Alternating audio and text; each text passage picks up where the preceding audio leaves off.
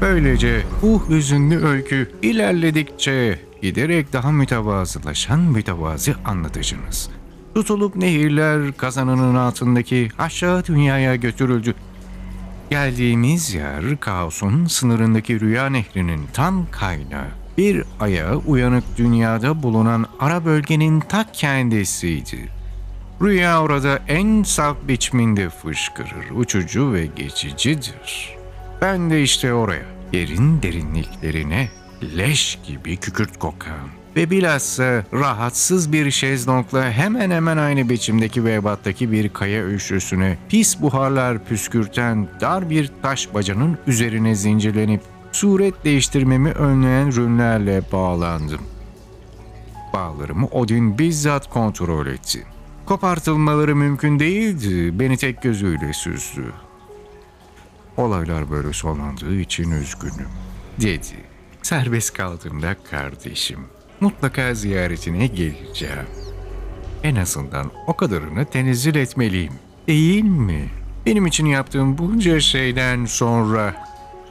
Heimdall sırıttı. Altın dişleri mağarayı bir dizi peri ışığı gibi aydınlattı.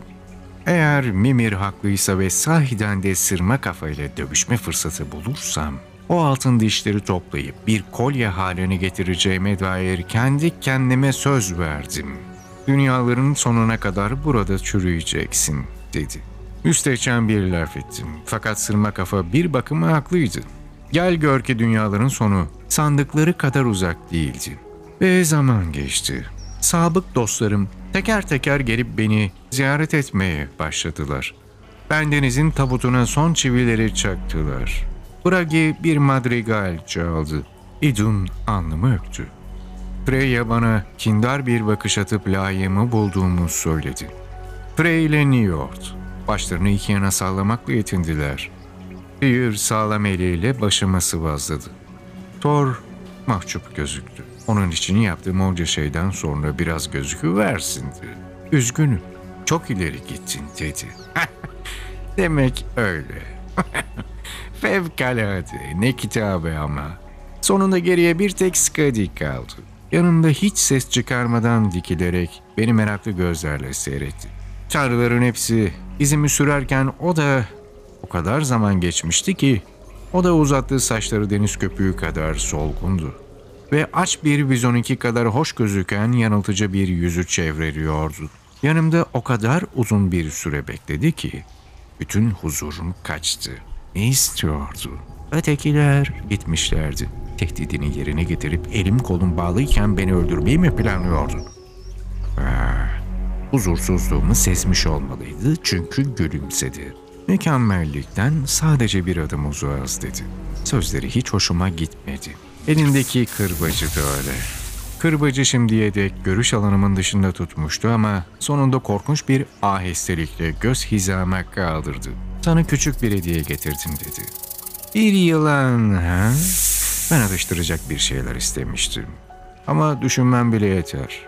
Skadi yine o tebessüm etti. Önce sırtım, ardından vücudumdaki her tüy ürperdi. Bu öyle sıradan bir yılan değil, dedi. Bu bir tüküren kobra. Düşmanlarına zehir tükürmeye bayılır. Zehri yarasız deriyi aşındırmaz ama eğer kurbanın gözlerine temas ederse... hmm, canını fena yakar. Konunun gittiği yer hiç hoşuma gitmedi. Ne yapacaksın? diye sordum. Tekrar gülümsedi. Bak bu çok hoşuna gidecek. Yılanı tam buraya koyacağım. Yüzümle aynı seviyedeki bir kaya çıkıntısını işaret etti.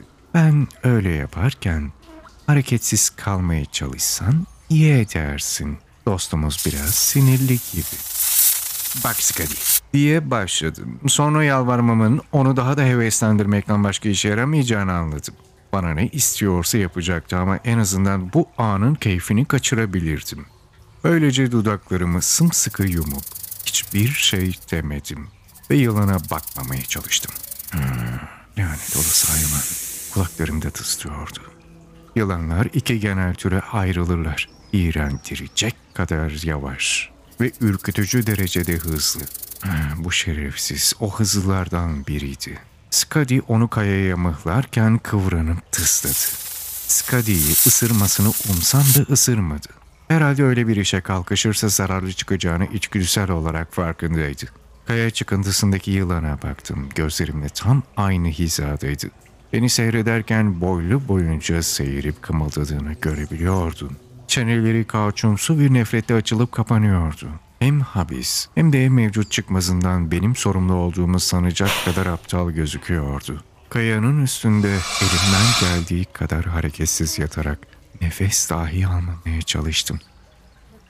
En ufak bir sesin veya hareketin bir saldırı tetikleyeceğinin farkındaydım.